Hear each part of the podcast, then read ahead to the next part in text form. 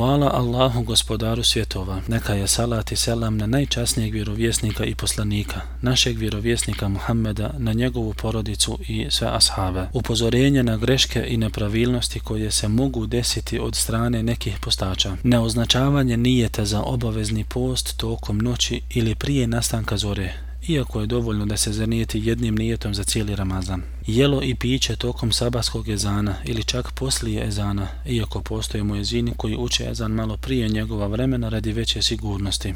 Sehurenje prije zore na sat vremena ili dva, jer je do nas došla preporuka da se požurije sa iftarom i odgađa sa sehurom.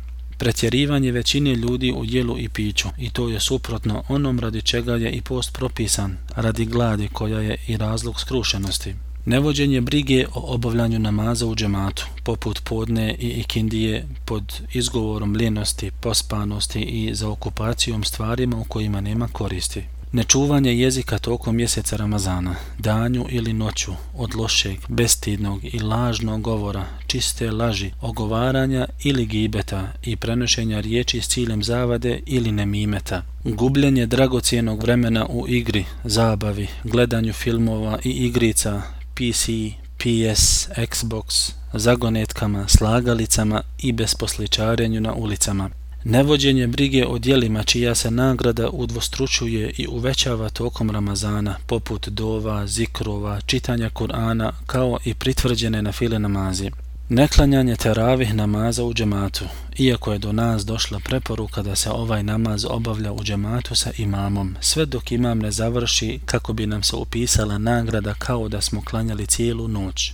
Na početku mjeseca se može primijetiti veliki broj klanjača i učača Kur'ana, a zatim nastupi vrijeme nemoći, popustanja i nedostataka na kraju mjeseca, iako zadnji dio mjeseca ima posebnost i veću vrijednost nad prvim dijelom mjeseca. Ostavljanje noćnog namaza koji je posebno vezan za zadnju trećinu mjeseca Ramazana, a poslanik sallallahu alaihi wasallam bi, kada bi nastupila zadnja trećina ovog mjeseca, oživio noć, probudio svoju familiju, jako se trudio i ustrajavao. Nespavanje tokom noći, zatim prespavljivanje sabah namaza, tako da ga neki ne klanjaju osim u jutro i ovo je veliki propust vezan za ovaj farz i ovu obavezu.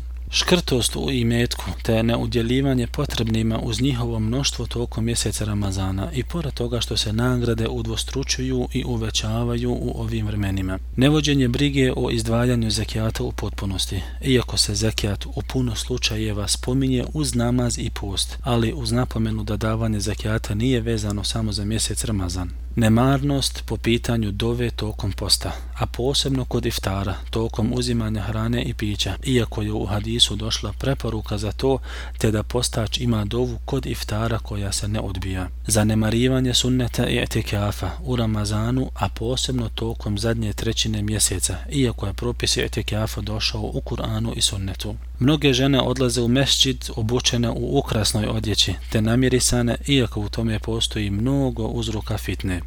Olakšavanje ženama da izlaze u šoping u noćima Ramazana, i to sa vozačem strancem, bez mahrama i bez potrebe u većini slučajeva. Ostavljanje sunnet tekbiranja u noći Bajrama i njegovom danu prije namaza, kao i u deset dana mjeseca Zulhidžeta, iako je naredba za to došlo u Kur'anu. Odgađanje zakijatul fitra Iako putem sunneta znamo da je obaveza dati ovu vrstu zakijata prije namaza, dakle prije bajram namaza, kao što je dozvoljeno da se da prije bajrama na dan ili dva. I na kraju neka je Allahov salat i selam na našeg vjerovjesnika Muhammeda sallallahu alaihi wasallam, njegovu porodicu i sve ashabe.